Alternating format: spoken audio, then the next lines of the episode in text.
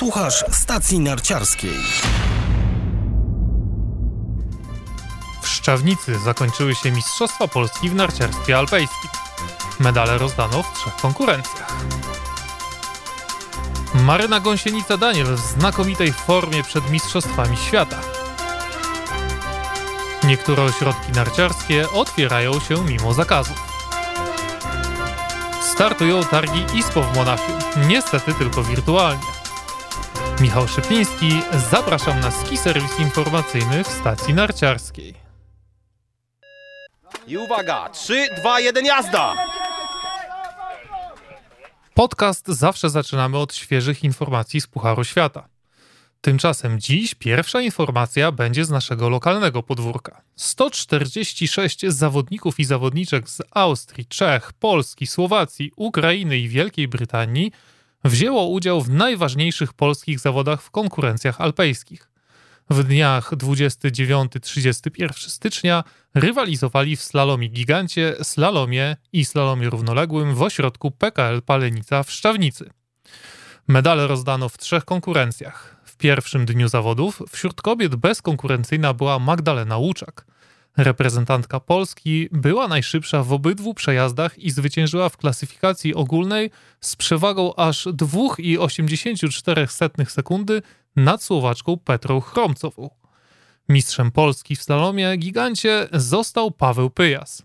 Polak był piąty w klasyfikacji ogólnej.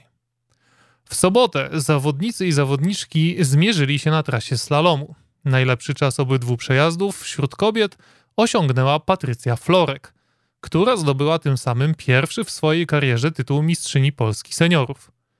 Mistrzem Polski w slalomie został Michał Michalik, trzeci w klasyfikacji ogólnej za Czechami Markiem Mullerem i najszybszym tego dnia Adamem Klimą.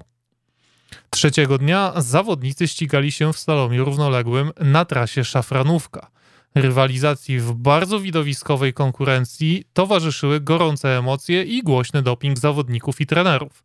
W finale kobiet zmierzyły się Maja Chyla i Słowaczka Petra Chromcowa. Po dwóch przejazdach zwyciężyła reprezentantka Polski, sięgając tym samym po złoty medal w slalomie równoległym. W finale mężczyzn zmierzyli się Paweł Pyjas, mistrz Polski w gigancie i Michał Michalik, mistrz Polski w slalomie. Zacięta walka trwała do ostatnich metrów. Ostatecznie lepszy okazał się Pyjas.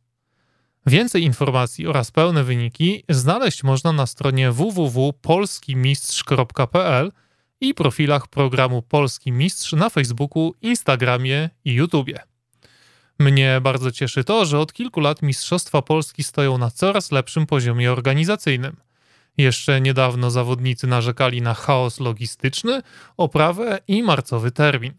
Teraz najważniejsze zawody w naszym kraju rozgrywane są na fantastycznej trasie na przełomie stycznia i lutego, a dzięki zdecydowanej poprawie w komunikacji medialnej można na bieżąco śledzić to, co dzieje się w Szczawnicy.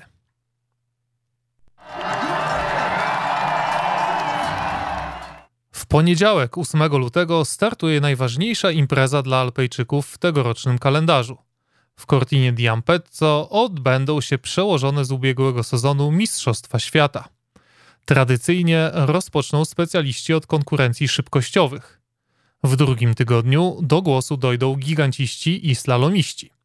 Po raz pierwszy od wielu lat również kibice w Polsce będą mieli się czym ekscytować, bowiem Maryna Gąsienica Daniel prezentuje ostatnio wyśmienitą formę. Nasza najlepsza zawodniczka już trzykrotnie w tym sezonie zajmowała 11 miejsce w gigancie alpejskiego Pucharu Świata, a ostatnio zaskoczyła wszystkich najszybszym drugim przejazdem na piekielnie trudnej trasie Erta w Kronplatz. Naprawdę, warto włączyć transmisję z Cortiny, nawet jeśli na co dzień kibicujecie wyłącznie skoczkom. Koronna konkurencja Maryny, czyli slalom gigant, zaplanowana jest na czwartek 18 lutego. Wszystkim, którzy chcą dowiedzieć się nieco więcej o Zakopiance i przygotować do Mistrzostw Świata, polecam najnowszy artykuł Michała Okniańskiego Vamos Mary, który dostępny jest na stronie www.ntn.pl.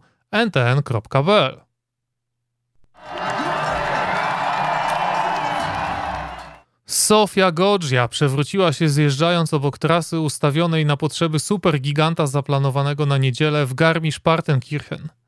Do wypadku doszło po ogłoszeniu decyzji o odwołaniu zawodów z powodu zbyt gęstej mgły. Wieczorem na Twitterze komentator Eurosportu Dariusz Urbanowicz napisał, że zawodniczka doznała złożonego złamania bocznej płytki piszczelowej w prawym kolanie. Sofia Goggia była murowaną faworytką do mistrzowskiego tytułu w zjeździe w rozpoczynających się za tydzień Mistrzostwach Świata w Cortinie di Ampezzo. Włoska zawodniczka wygrała cztery ostatnio rozegrane zjazdy zaliczane do klasyfikacji Pucharu Świata.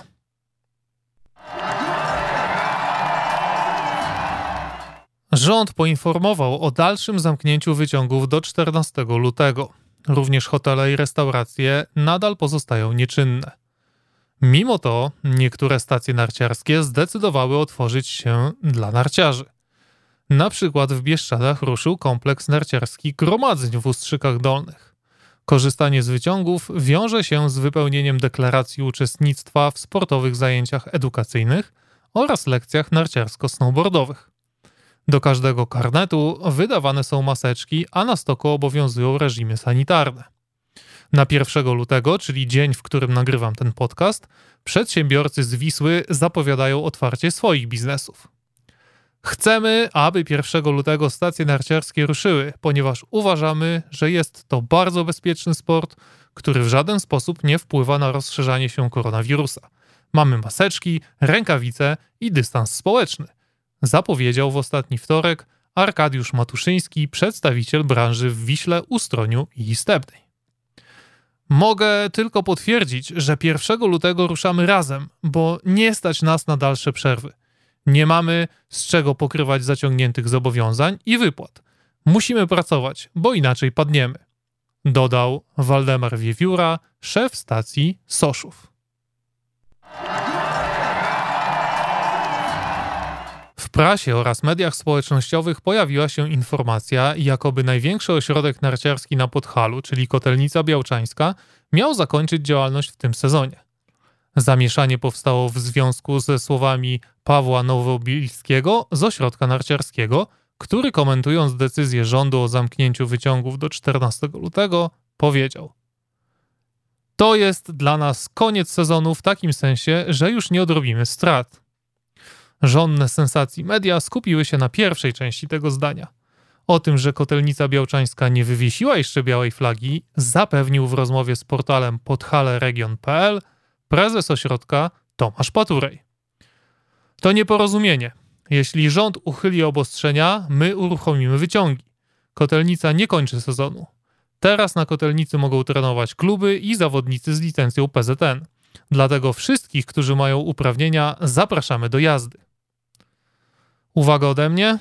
Pamiętajcie, by w dobie zmieniających się co chwilę decyzji i obostrzeń korzystać z wiarygodnych źródeł, a każdą informację, która może decydować o waszych narciarskich planach, sprawdzić w kilku miejscach.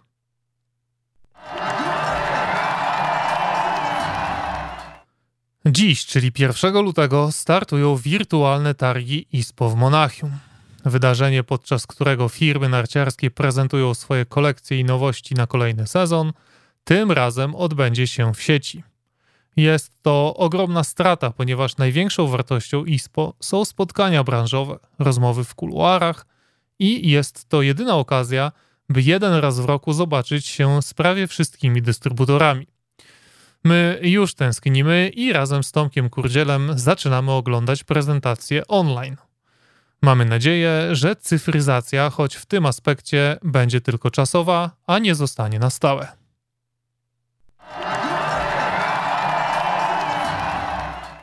Idziemy na narty i deskę do centrów handlowych. Happening pod takim hasłem organizują dziś w całej Polsce przedstawiciele branży zajmującej się produkcją nart i snowboardów oraz ich sprzedażą i wypożyczaniem.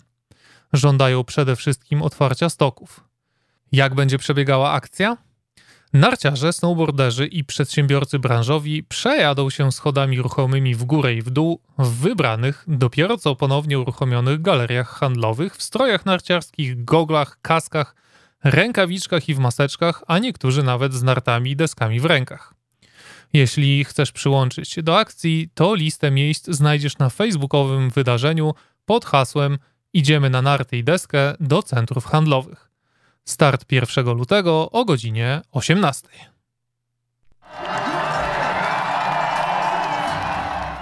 I to już wszystko w dzisiejszym ski serwisie informacyjnym. Jak zawsze przypominam, że do odsłuchu mojego, a także innych podcastów najlepiej nadają się specjalnie stworzone do tego aplikacje, czyli na przykład Spotify, Google Podcasts lub obecna na każdym iPhone'ie aplikacja Podcasty. Zapraszam na kolejne ski serwisy informacyjne już wkrótce. Do usłyszenia.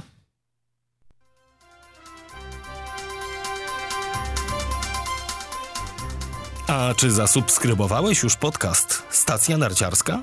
Jeśli nie, to na co czekasz? Szczegóły na stronie www.stacjanarciarska.pl